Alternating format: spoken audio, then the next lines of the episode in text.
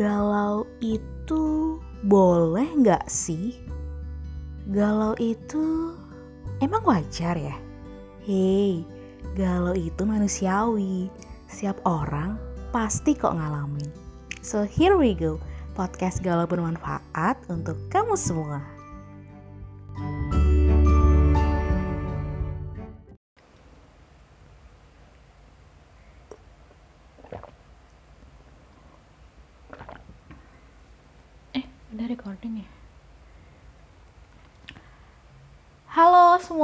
Welcome back to Galau Bermanfaat Podcast with me, Arintia. Uhuy, akhirnya kita ketemu lagi setelah terakhir di episode sebelumnya kita ngomongin atau aku dan partner collabsku yang lalu yaitu Mbak Bebet kita ngomongin soal 12 tahun di Jogja. Uh, mantap. Dua kali 6 tahun, dua kali SD di Jogja. Nah, eh, kali ini di episode kali ini sesuai judulnya yaitu menjawab pertanyaan atau apalah nanti judulnya. Eh, jadi ini tuh berawal dari aku yang sudah mulai quote unquote kesulitan mencari ide dan bukannya nggak ada sesuatu yang digalauin tapi mulai bingung nih kira-kira eh, dari sisi mana lagi ya aku tuh pengen eh, sharing sesuatu atau galau yang ap- yang bagian mana lagi ya yang ingin aku eh, obrol obrolin ke teman-teman semua gitu. Nah, jadi eh, beberapa hari yang lalu aku iseng nih eh, di Instastory, di Instastory pribadi gue at arintiawidd Hmm, promosi. itu aku buka eh, question question box gitu terus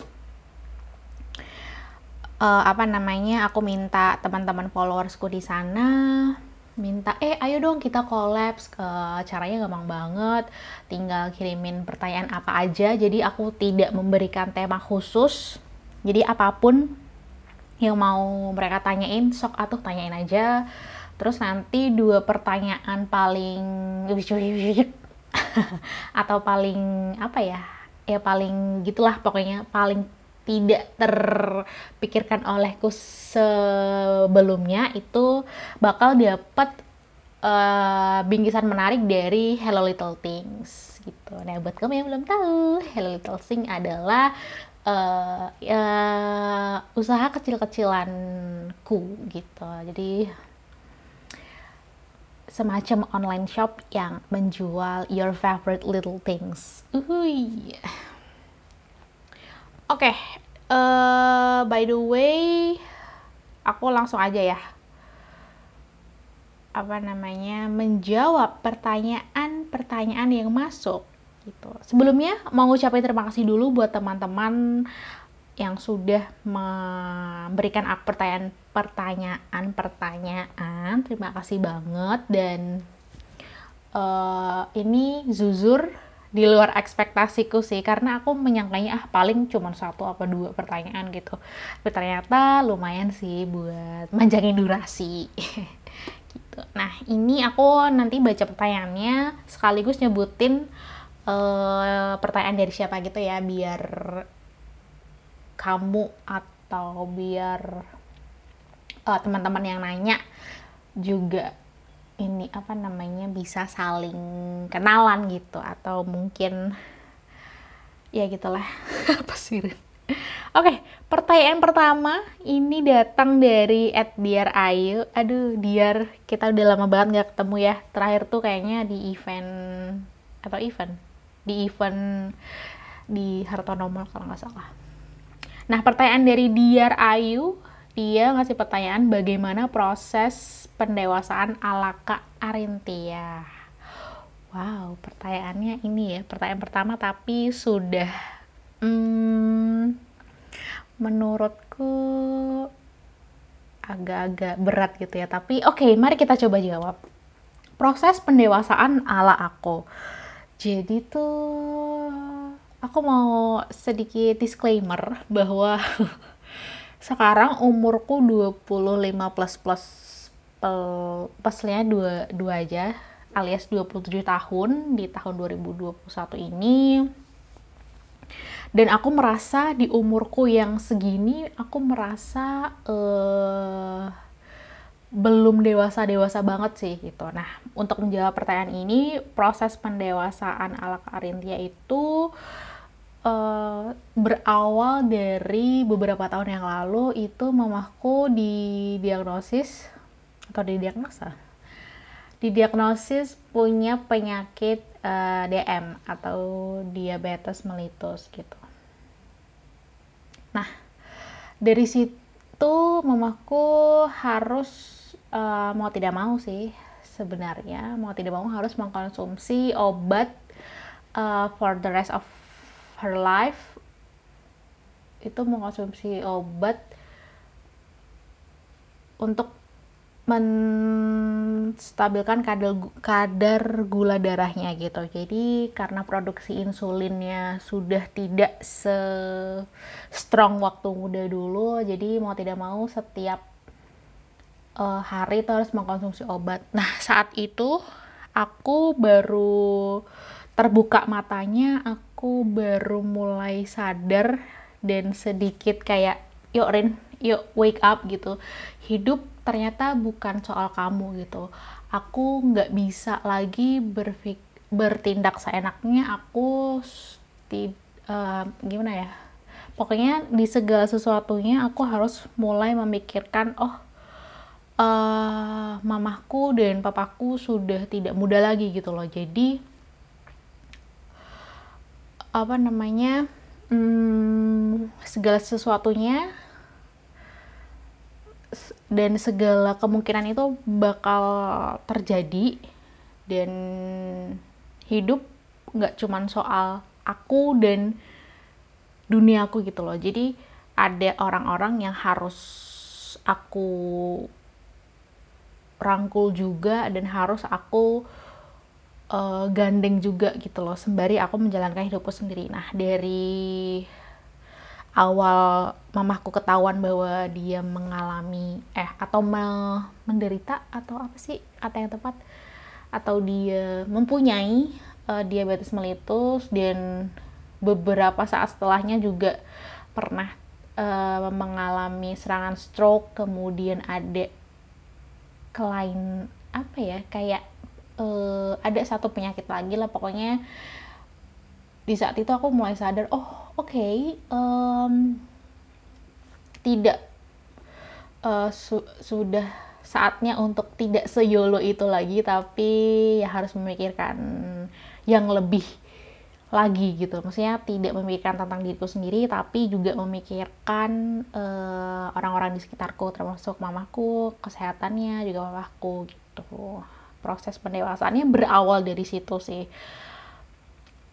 Itu dan prosesnya sih hmm, awal-awal tuh agak gimana ya agak agak-agak keteteran terus juga agak-agak uh, kayak eh kok beban nih kayak ada di pundakku sendiri gitu ya. Aduh udah mulai sedikit berambangi tapi it's okay uh, karena di posisi saat itu aku satu-satunya anak uh, perempuan terakhir dan yang masih tinggal satu rumah sih sama kedua orang tuaku jadi ya mau tidak mau uh, harus menjadi orang pertama yang uh, yang apa ya yang istilahnya action kalau terjadi sesuatu gitu. Nah dulu tuh pernah beberapa kali. Jadi setelah mamaku di diagnos atau maksudnya udah ketahuan dia punya DM punya uh, riwayat penyakit yang lain itu nah, pernah beberapa kali mamaku masuk IGD terus ya udah begitu dapat kabar langsung dari kantor langsung uh, pulang dan ya udah sembari uh, minta izin kerja sambil ngejaga mamaku. Dan waktu itu sih wah campur aduk banget sih ceritanya. Rasanya juga campur aduk gitu. Jadi proses pendewasaanku dimulai mungkin agak sedikit telat ya dari teman-teman yang lain gitu atau agak sedikit let's say berbeda dengan orang yang lain orang-orang yang lain gitu mungkin kamu yang dengerin ini juga uh, apa namanya kalau kalaupun gini maksudnya aku melihat teman-temanku itu uh, sudah sudah pada terlihat dewasa gitu loh. Sedangkan aku melihat diriku sendiri kayak hmm, Rin usia masih 15 apa gimana? Gitu. Tapi ya karena peristiwa itu tadi dan beberapa hal yang tidak bisa aku bagikan di sini. Nah itulah proses pendewasaan pendewasaanku. Dan sampai sekarang pun jujur aku masih belajar untuk menjadi dewasa untuk men untuk menjadi dewasa yang tentu saja ala aku sih. Gitu. Terima kasih Diar untuk pertanyaan pembuka yang sangat uh, sangat panjang. Ini udah berapa menit nih 10 menit sendiri menjawab satu pertanyaan oke Arin terima kasih selanjutnya ini ada wah ada pertanyaan dari Sis Miranda. Uh, halo Sismi, apa kabar? Jadi Sismi ini tuh dulu kita uh, teman satu komunitas. Terus uh, apa namanya? Kita masih intens komunikasi sampai sekarang gitu. Thank you internet dan teknologi. Nah, ini pertanyaan pertama. Dia nih menyumbangkan atau memberikan tiga pertanyaan sekaligus. Terima kasih Sismi, aku akan menjawabnya.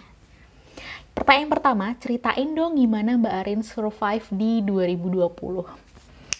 Wow, wow. Baca tahun 2020 itu langsung wow, langsung ada flashback-flashback di kepala, langsung banyak memori-memori yang uh, keputar di ingetan gitu cerita surviveku nih rada-rada struggle ya. Uh, jadi awal pandemi itu aku udah uh, di rumah gitu. Jadi dari awal April sampai sekarang ya uh, sampai 2021 Januari itu aku bekerja di rumah gitu. Pernah sih sesekali ke kantor karena ada urusan gitu. Tapi mostly 10 bulan ini aku kerja di rumah gitu. Dan sebagai uh, gimana ya orang yang baru bisa kerja waktu rame waktu ada vibes orang lain di sekitar tuh jujur struggling banget sih awalnya kerja di rumah gitu. Dan uh, struggling strugglingnya tuh kayak uh, aku jadi sering merasa kesepian gitu. Terus karena kerja sendiri tuh pikiran jadi suka uh, lari ke mana-mana pikiran jadi suka memikirkan hal-hal yang bahkan belum terjadi gitu. Makanya uh, di beberapa waktu lalu aku tuh sempat ini sempat kedatangan tamu namanya overthinking. Jadi tuh overthinkingku mungkin uh, bagi orang lain deh. Bagi orang lain mungkin biasa tapi bagiku aku tuh sudah di tahap uh, gimana ya aku sudah di tahap begitu udah overthinking pasti sesuatu tuh bakal terjadi di tubuhku gitu loh. Entah itu pusing entah itu uh, jadi nggak bisa tidur atau entah itu aku bahkan aku ingat banget puncaknya itu sampai mual gitu. Jadi aku pengen muntah tapi begitu dimuntahin nggak ada isinya gitu. Jadi perut tuh sakit banget gitu. Nah struggle uh, struggleku yang paling yang paling paling tuh si overthinking ini gitu selama 2020 kemarin. Dan uh, gimana aku survive dari lovely overthinking ini itu ada beberapa cara sih. Yang pertama aku selalu berusaha menghidupkan uh, kamarku aka tempat kerjaku. Jadi aku kayak ngehias kamar jadi aku membuat ambience kamar tuh di satu sisi juga sebagai tempat istirahat tapi di sisi lainnya aku menata sedemikian rumah jadi tempat kerja gitu. Terus yang kedua uh, aku bisa dibilang 24/7 itu harus dengerin entah itu podcast atau radio atau uh, playing lagu-lagu di Spotify atau di YouTube atau di mana pun gitu. Jadi aku tidak membiarkan uh, kamar itu sepi dari suara-suara gitu. Jadi soalnya dulu pernah nih uh, aku gimana ya saking fokusnya kerja tuh sampai lupa gitu lupa menghidupkan suara-suara ini gitu. Terus tiba-tiba aku zet merasa sepi banget. Sepinya tuh kayak di dalam diri gitu loh dan itu aku merasa ketakutan sendiri gitu. Dan um, dan suatu kali aku sudah tidak bisa dealing with uh, myself. Pokoknya aku sudah tidak bisa mengendalikan diriku secara overthinking itu tadi terus dan aku pokoknya udah gimana ya udah berada di can I say my lowest point of my life? Gitu. Jadi aku memutuskan untuk uh, mencari tempat curhat ke profesional gitu. Jadi aku sempat dua kali uh, konsultasi ke psikolog. Aku nggak konsultasi sih kemarin tuh. Lebih ke curhat terus dan alhamdulillah mendapatkan uh, perspektif baru bagaimana aku harus men menjalani hidup dan sebelumnya bagaimana aku harus berdamai dengan situasi seperti ini gitu dan itu lumayan sih meskipun belum 100% lega gitu tapi lumayan sih dapat uh, perspektif-perspektif baru gitu. Nah, untuk kamu yang mungkin juga mengalami seperti aku, strugglingnya tuh apa pun itu strugglingnya, coba kamu cerita ke orang-orang terdekat gitu. Nah, problemnya di aku nih, aku tuh selalu menyimpan semuanya sendiri gitu loh. Jadi aku tuh takut membebani orang lain dengan masalah-masalah yang aku alamin gitu. Jadi uh, dulu tuh uh, sebelum aku curhat ke atau sebelum aku seeking for help itu aku oh ya udah mungkin aku bikin podcast kali ya aku bisa mengeluarkan unek-unek di sana. Oke okay, bikin podcast tapi kok nggak nggak nggak lega nih belum merasa lega. Oke okay, aku nulis oh tapi kok masih ada yang belum belum keluar nih. Oh oke okay, mungkin aku harus oh, oke okay, direlaksin aja ambil cuti. Ambil cuti nonton lakuin apa pun yang kamu mau beli makanan-makanan enak. Tapi kok aduh abis cuti kok rasanya. Aduh malah makin capek. Padahal belum ngapa-ngapain juga. Kayak gitu sih. Dan siklus itu terus berlanjut sampai aku memberikan memberanikan diri untuk ya itu tadi asking for help gitu. Itu tadi ceritaku survive di 2020 dan ini masih berlanjut sampai sekarang sih uh, Sismi dan teman galau semua jadi 2021 aku masih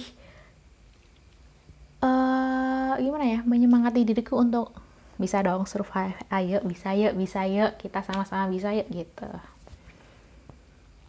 Itu cerita bagaimana aku survive di 2020 dan untuk kamu yang ingin berbagi bagaimana ceritamu survive di tahun kemarin boleh banget ya langsung aja ceritakan uh, di instastory kemudian tag kalau bermanfaat.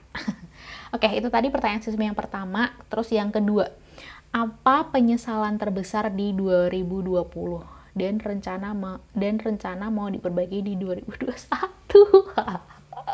Sismi pertanyaannya so deep. Apa penyesalan? Aduh kalau penyesalan rada banyak ya. Penyesalan yang hmm, apa ya? Penyesalan yang pengen diperbaiki di tahun 2021 ini sih hmm, mungkin 2021 aku terlalu banyak memendam sih.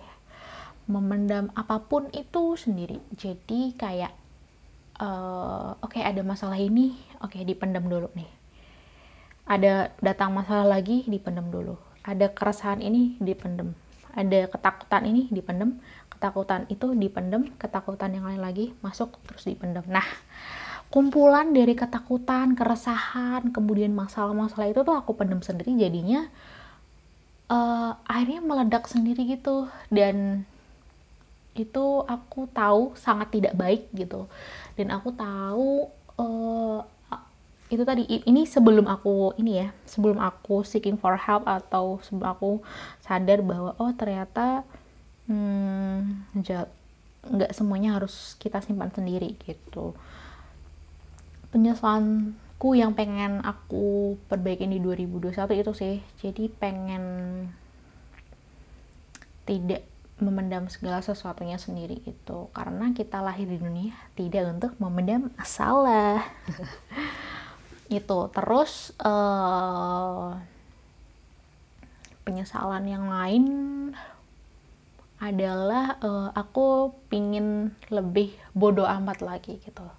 Mungkin di luar sana aku dilihatnya kayak orang nggak pedulian atau kayak ah, apaan sih? Udah gitu. Tapi sejatinya aku adalah orang yang terlalu memikirkan omongan orang lain gitu soalnya aku kayak uh, kemasannya aja gitu loh yang kayak uh, oke okay, oh iya gitu. Tapi sejatinya di dalam diriku tuh di dalam pikiranku tuh aku selalu selalu mempertanyakan selalu meng, terlalu banyak mengambil uh, apa namanya atau terlalu banyak memikirkan hal-hal yang seharusnya tidak dipikirkan gitu.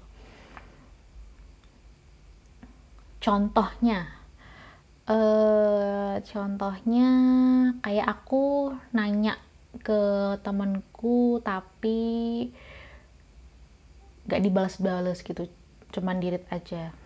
Itu tuh pikiranku udah ke mana-mana aduh jangan-jangan uh, aku kayak ngelakuin kesalahan nih. Aduh jangan-jangan kerjaanku nggak beres nih. Aduh jangan-jangan ini aduh jangan-jangan itu. Bahkan aku sampai berpikir aduh jangan-jangan tadi harusnya pakai emoji aja ya biar kelihatan ramah terus biar kelihatan gimana gimana gitu makanya uh, cepat dibalas. Tapi gara-gara tadi ke uh, buru-buru ngetik emojinya ketinggalan gitu-gitu.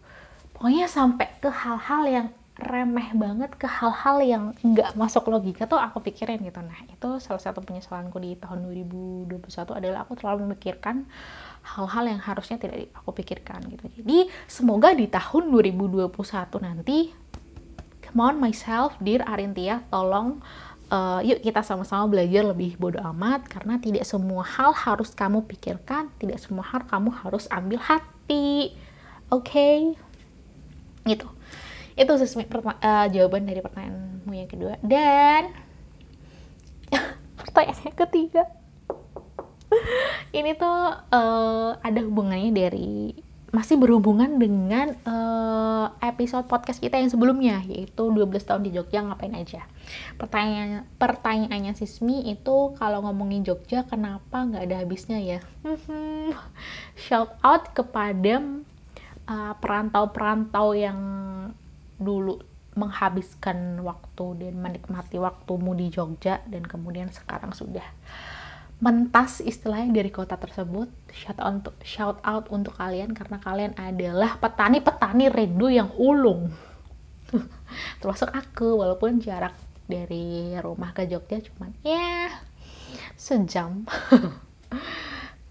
Kenapa ya? Karena mungkin uh, di Jogja kita terlalu menikmati apa yang terjadi di sana gitu. Segala sesuatunya terlalu memorable, segala sesuatunya terlalu manis untuk dilupakan kalau kata slang. Jadi ya udah hmm, jangan dilupain segala sesuatu tentang Jogja tapi dinikmati gitu. Kalau kamu udah rindu banget sama Jogja ya udah virtual tour aja nih lewat Google Maps.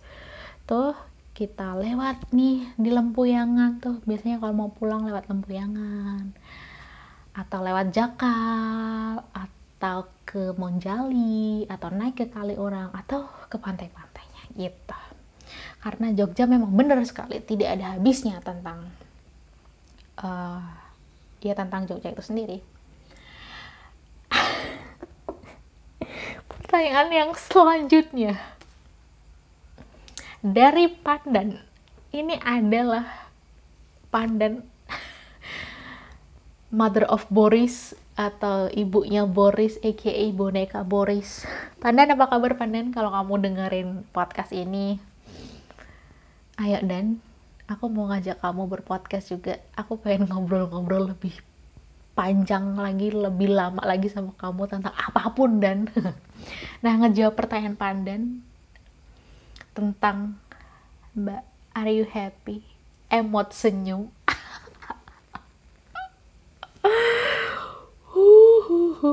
jadi aku mau per, aku mau menjawab pertanyaan Pandan dengan uh, sebuah momen momen paling bangke dalam hidup, momen paling aku nggak tahu jawabannya adalah beberapa hari yang lalu. Itu abis sholat uh, maghrib atau isya ya? Pokoknya abis sholat ya kalau nggak salah sholat maghrib deh kayaknya. Itu aku ngerasa capek banget terus aku rebahan sebentar sambil menunggu azan isya. Iya berarti maghrib sambil nunggu azan isya. Aku masih pakai mukena tuh. Nah, lagi-lagi nih, karena aku masih dalam proses berdamai dengan the holy overthinking ini, tuh dia tuh lagi uh, pikiran tuh lagi-lagi bercelah gitu loh. Jadi aku dibawa ke uh, dibawa melihat kemungkinan-kemungkinan terburuk dalam hidup. Jadi waktu abis sholat aku rebahan terus pikiran tuh mulai lar mulai berpikir tuh eh ini kok ini ya? Eh kok mau ini nggak dapat dapat ya? Eh jangan-jangan kamu eh atau gini ya? Gitu-gitu. Tiba-tiba dong aku nangis sendiri aku nangis. Dan nangisnya tuh sampai tau gak sih? Yang kesel dalam dada tuh sesek gitu. Nangisnya sampai gitu aku. Terus kayak oh ini kayaknya bukan nangis karena sedih atau karena apa gitu. Karena kayak apa ya? Kayak di dada tuh selain sesek terus juga ada api gitu loh. Nah terus uh, waktu itu aku berpikir oh mungkin aku banyak pikiran gitu. Meskipun aku tidak tahu sedang memikirkan apa saat itu gitu. Terus aku ngebuka salah satu aplikasi healing aku meditasi di sana. Nah dalam uh, posisi rebahan terus mencoba meditasi itu wah gila sih. Tangisku makin kencang sih dan. Aku nangis kenceng dan. Itu sampai terisak-isak gitu loh. Saking aduh aku sampai aku sampai nanya ke diriku sendiri anjir aku ngapain? gitu. Karena aku nggak tahu itu aku maksudnya penyebabku sampai nangis kayak gitu tuh kayak gimana aku tuh sampai nge apa namanya nge grab apa sih nge megang tanganku sendiri itu kencang banget. Kayak pengen memberi tahu ke inside me gitu kalau yuk tenang yuk tenang tenang tenang. Kamu nggak sendiri yuk tenang tenang tenang tenang. Itu. Aduh nyeritain ini aja udah hmm, oke okay, minum dulu?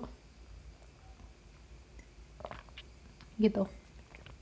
Dan udah mulai agak tenang itu aku aku kemudian inget apa yang dilakukan di drama It's Okay Not to Be Okay Butterfly Hug. Aku langsung oh udah deh aku langsung uh, menangkupkan kedua tanganku aku puk-puk aku sendiri kayak eh, nggak uh, apa-apa kalau mau nangis nggak apa-apa keluarin apa yang selama ini di dalam diri kamu keluarin.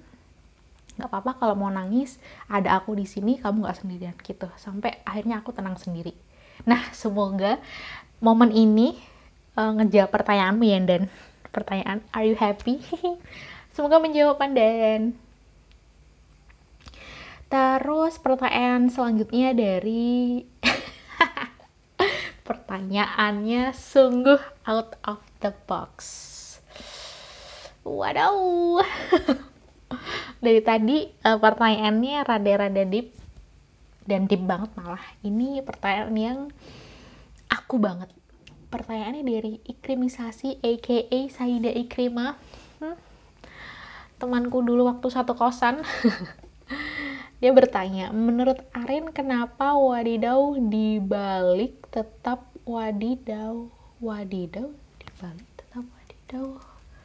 Coba kita tulis W A D I wadidaw dibalik W A D I D A. Wah gila, anjir. Eh bener ya? Iya wadidaw eh iya loh wow wow wow dibalik wow jokes babak-babak. Tapi ini sebuah fun fact. Jadi teman-teman ternyata wadidaw kalau dibalik jadi wadidaw. Wow. Jadi oh ikrim kamu. Ini sudah terpilih salah satu pemenang GA yang mendapatkan hadiah dari Hello Little Things. Wadidaw dibalik wadidaw. Cream iya iya bener loh. Wadidaw dibilang wadidaw iya. Iya wadidaw aku jadi ah kok bisa sih WA deh oh, iya iya bener wadidaw wow mantap. Mendapatkan sitting applause dari Arintia karena aku lagi males berdiri jadi belum bisa memberikan standing applause jadi sitting applause is enough. Ikrim terima kasih sudah membuatku merasa oh wow wow yang wadidaw yang kalau dibalik juga wadidaw thank you Ikrim. Terus pertanyaan dari Kunti dia. Wey Kunti shout out untuk Kunti. Ini adalah salah satu uh, bisa dibilang support systemku sih yang mendukung dan memberikan pundaknya secara cuma-cuma. Untuk aku bersandar dan berkeluh kesah. Dia bertanya, kakak, hmm, tipe kakak harusnya. Kakak tim bubur diaduk apa nggak diaduk? Aku tegaskan sekali lagi bahwa aku adalah tim bubur diaduk karena akan tidak adil rasanya dalam setiap suapan kalau bubur itu tidak diaduk. Nanti suapan pertama dapat suiran ayam doang. Suapan kedua dapat bubur putihnya aja. Suapan kedua dapat bubur putih, kuah, kecap, tapi kerupuknya belum, tuh kan? tidak adil makanya harus diaduk sekerupuk-kerupuknya kalau nggak diaduk kerupuk sama kerupuknya juga boleh kalau pengen kerupuk yang kriuk terus hmm, dimasukkan ke dalam lambung lewat mulut. Gitu ya. Jadi aku termasuk bubur diaduk. Tapi it's okay kalau pilihanmu uh, bubur tidak diaduk gitu. Karena berbeda itu nggak apa-apa gitu. Gitu ya teman-teman terus uh, ini dari Kunti lagi. Milih ketinggalan dompet apa ketinggalan handphone? Hmm, apa ya? Kayaknya ketinggalan dompet deh. Soalnya kalau ketinggalan handphone bisa pakai uang uh, digital gitu. Atau bisa pakai banking bisa pakai dompet digital gitu. Tapi ini berdasarkan pengalaman ya.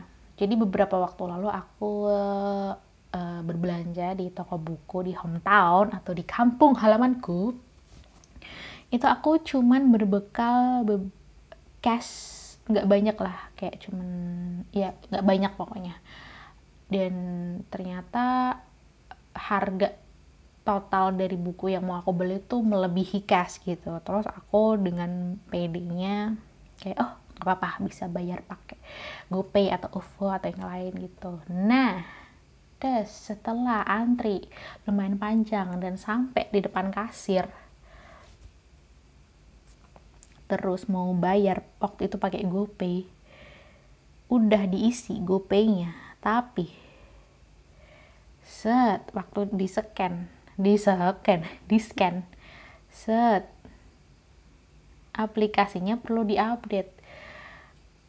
Nah kan di hometown sinyal tuh nggak cepat-cepat banget ya. Jadi lama ngupdate-nya. Itu pun pembayarannya masih pending dong. Terus karena di belakang masih banyak antrian. Jadi diliatin tuh. Lama banget. Aduh ini juga lama nih 11 persen 12 persen. Aduh lama banget nih nyap, nyampe 100 persen akhirnya. Yang lain dulu mbak nggak apa-apa uh, dilayanin dulu. Eh sampai udah pem, pem, pelanggan terakhir belum bisa ngupdate ngupdate juga belum 100% gitu.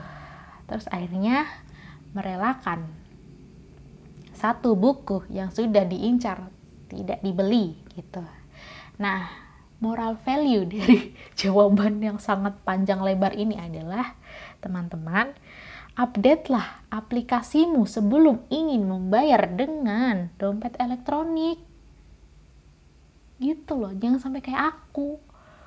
Udah sosokan ngisi tapi belum diupdate aplikasinya sebel banget. Wasting time. Wes gitu ya terima kasih Kunti atas pertanyaannya jadi aku akan memilih handphone yang yang aplikasinya sudah diupdate gitu jadi tidak menunggu dan tidak keringat dingin sendiri di depan kasir gitu Oke, okay, selanjutnya adalah dari oh, dari anak kantor lagi. Ada dari Armando Radityawan.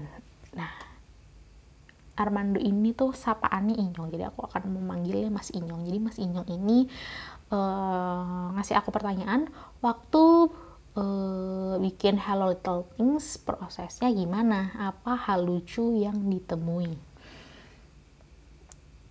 Um, Oh ya sebelumnya Hello, Hello Little Things ini adalah small business yang aku rintis. Jadi uh, aku mau cerita backgroundnya aku memberanikan diri atau nekat sih lebih tepatnya membuka usaha kecil-kecilan bernama Hello Little Things ini gitu. Jadi uh, tadi kan di awal aku sudah cerita aku cukup struggling dengan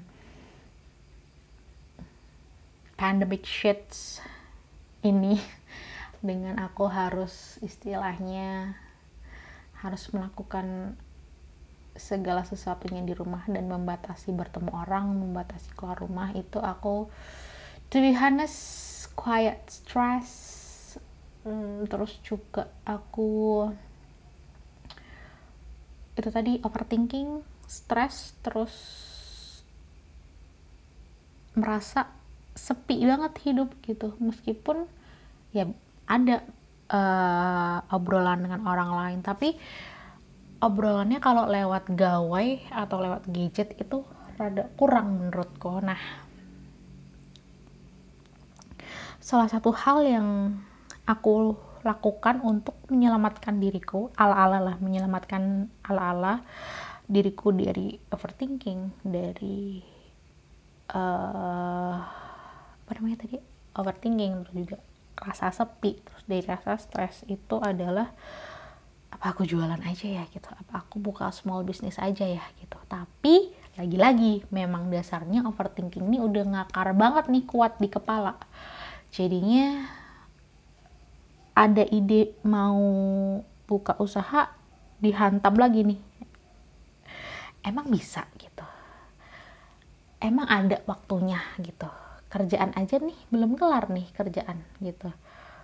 Hal yang lain juga belum kelar tuh belum sempet tuh dikerjain gitu. Terus emang mau buka jualan apa gitu? Jualan kan ribet ntar kalau rugi gimana gitu kalau gagal gimana? Nah gitu-gitu sih berperang itu di dalam otakku pertanyaan-pertanyaan itu terus menggema di otakku. Nah terus uh, kemudian aku membaca lagi satu buku namanya ya buku mainstream. Nanti kita cerita tentang hari ini. Aku baca-baca terus aku menemukan satu hal.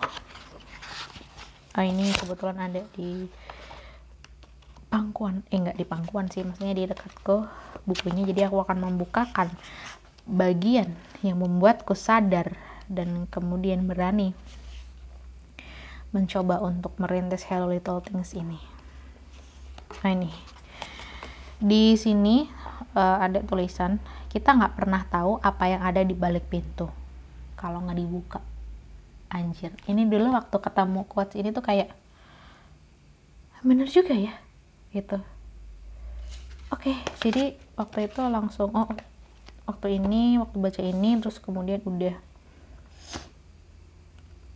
udah sebelumnya udah sempet nge save save tuh beli vendor packaging di mana terus entar thank you cardnya gimana entar uh, freebiesnya apa terus mau jual produk apa itu tuh udah udah ada gitu catatan-catatannya. Terus waktu baca baca kutipan tadi langsung ah oke okay deh mulai order packaging mulai ngedesain thank you card mulai bikin akun TikTok mulai bikin akun eh kalau TikTok aku pakai akun personal aku dulu sih. Terus mulai bikin akun Instagram mulai uh, buka Tokped gitu. Jadi itu awal mula aku membuka atau nekat apa namanya me, nekat menjalankan atau merintis usaha kecil-kecilan yang masih so tiny gitu. Gitu. Terus eh, hal lucunya tuh ini ya waktu aku terima order pertama kali kali ya. Jadi Hello, Hello Little Things ini tuh uh, semua proses penjualannya aku lewatkan e-commerce karena biar uh, yang saat yang pertama itu biar uh, apa namanya aku tidak harus memusingkan tentang ekspedisi gitu. Karena dulu sebelumnya aku juga pernah jualan spray sama selimut itu. Dulu tuh waktu zaman zamannya masih ada toko bagus dan lain-lain itu tuh uh, belum belum sepaket gitu loh e-commerce sama ekspedisinya gitu. Jadi harus ekspedisi ekspedisinya sendiri ah dipikirin. Terus juga nimbang beratnya nimbang volumenya gitu-gitu harus dipikirin tapi sekarang pakai e-commerce lebih ringkes gitu. Jadi uh, dulu tuh dapat orderan pertama itu pakainya uh, JNE kebetulan. Nah lucunya tuh karena aku tuh ngebungkusnya tuh hati-hati banget. Sebelumnya aku bahkan uh, semprot packagingnya tuh pakai desinfektan dulu terus aku pakai hand sanitizer terus aku uh, pelan pelan banget pokoknya aduh ini berharga banget ini ini terus orderan pertama ucuk ucuk ucuk aku ke JNE itu udah nyiapin duit udah udah narok di meja terus masnya bilang ah mbak uh, nggak usah bayar gitu terus bingung aku bingung oh nggak usah bayar gimana mas? Iya ini dari Tokopedia kan? Iya mas ini kan ada tulisannya sekian gitu harus dibayar. Terus dijelasin sama masnya sama mas-mas di counternya JNE gitu. Oh gini gini mbak? Jadi kalau dari e-commerce itu mbaknya nggak usah bayar makanya disebutnya cashless gitu. Itu sih menurutku lucu juga karena aku saking excitednya gitu jadi aku kurang riset dan kurang persiapan. Pokoknya kurang mendalami tentang ekspedisi. Kayak gitu itu sih masih inyong hal lucu. Tapi sekarang juga masih belajar sih soal bagaimana uh, mengembangkan lagi Hello Little Things itu by the way terima kasih loh sudah menanyakan tentang Hello Little Things. Hmm, good question. Terus dan ini juga udah menemukan ya yang kedua pertanyaan kedua yang apa namanya bakal dapet produknya Hello Little Things. Jadi udah pas ya yang pertama tadi krim nih. Terus yang kedua ada uh, Armando dari Tiawan EGE Mas Inyo. Gitu. Terus ada oh ada Mbak Raisa. Ini juga salah satu teman kantor Q salah satu bunda-bunda strong. Karena WFH sambil nemenin anaknya school from home juga. Ini tuh cuma dua pertanyaan terdiri cuma dua kata tapi jawabannya bisa lima menit sendiri mungkin aku jawabnya. Kisah horor. Kisah horor. Uh pertanyaannya tentang kisah horor. Hmm mana ya? Ini ngeteknya malam lagi.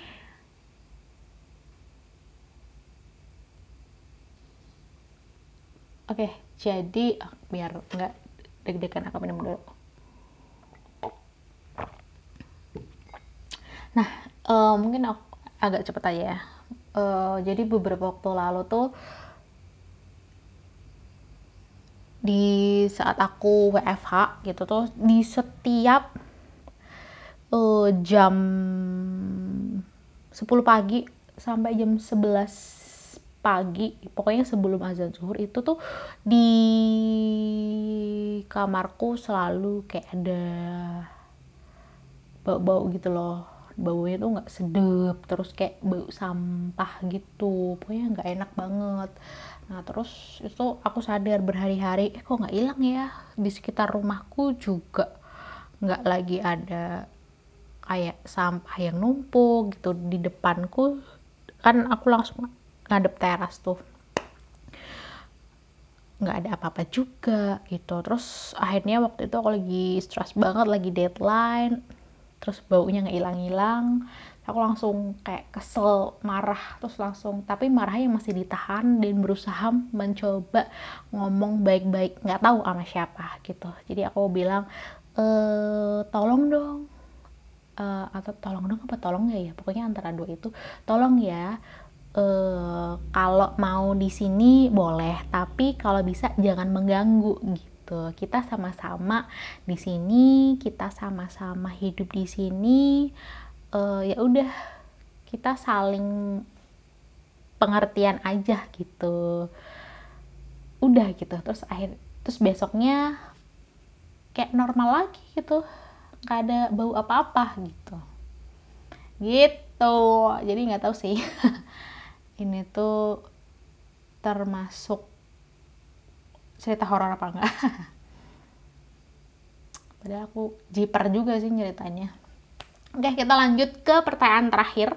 Ini ada pertanyaan dari Kunti lagi. Jadi wow terima kasih atas sumbangan tiga pertanyaan ya Kunti. Pertanyaan yang terakhir dari Kunti dan mungkin bakal jadi penutup di episode kali ini pertanyaannya yaitu konser konser paling seru yang pernah didatengin apa ya?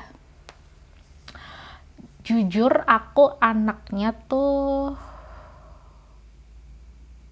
um,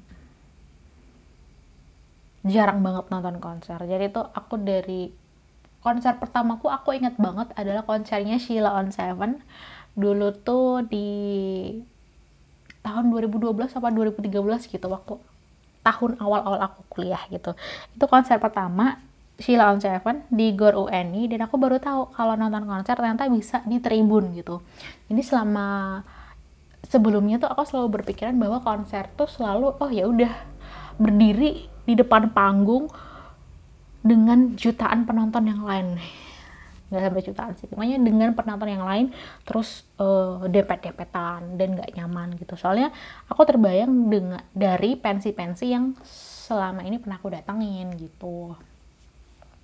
Tapi ternyata enggak It, eh dan mungkin itu bisa jadi pertanyaan dari ini dari pertanyaan ini. Konser salah satu konser paling seru adalah konser pertamaku lihat Sheila on Seven dan waktu itu pembukanya adalah The Finest Three Caka Nuraga sama Elang Nuraga.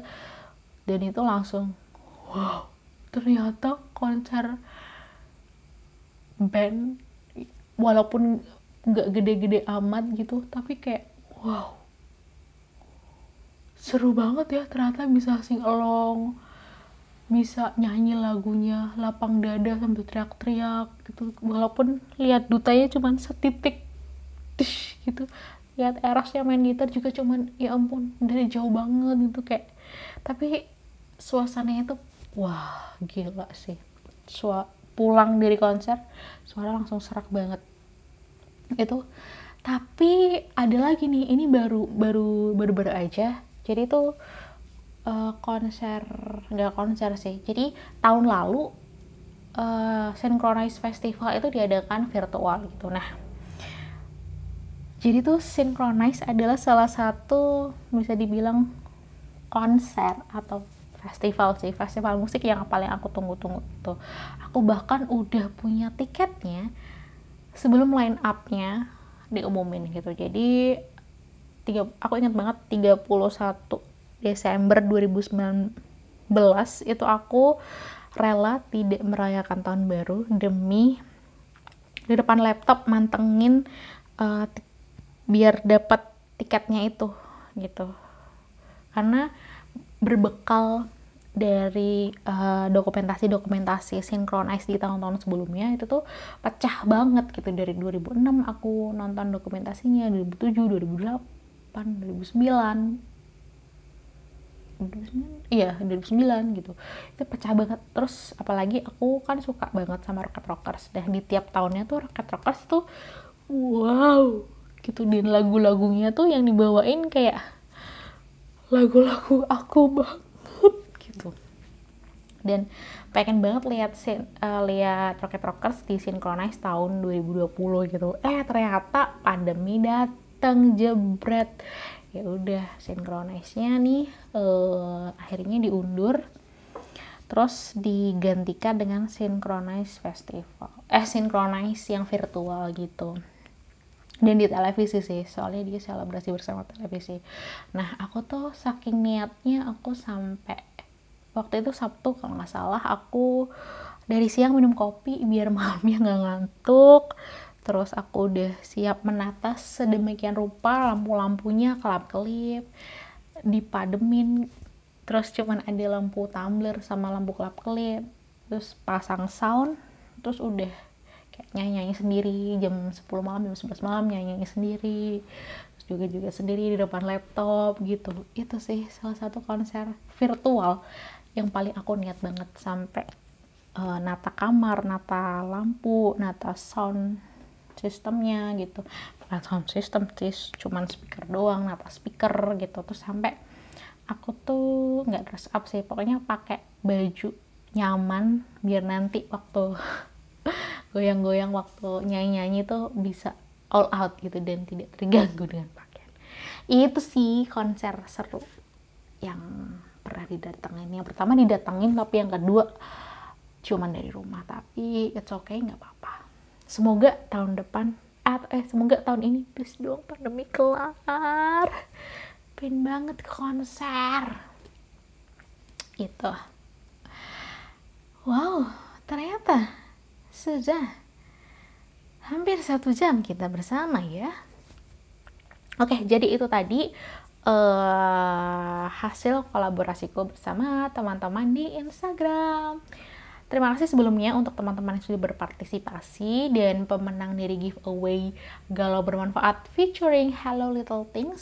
Yang pertama tadi ada Ikrimisasi, yang kedua ada Armando Radityawan. Uh, ditunggu kiriman hadiahnya ke rumah kalian. Nanti akan dihubungi langsung oleh aku ya. Oke, terima kasih sudah mendengarkan episode kali ini. Semoga terhibur semoga juga mungkin melegakan atau mungkin sekadar menemanimu melanjutkan perjalanan atau menemani kamu ngapain aja. Terima kasih sudah mendengarkan dan sampai ketemu di episode selanjutnya. Bye bye.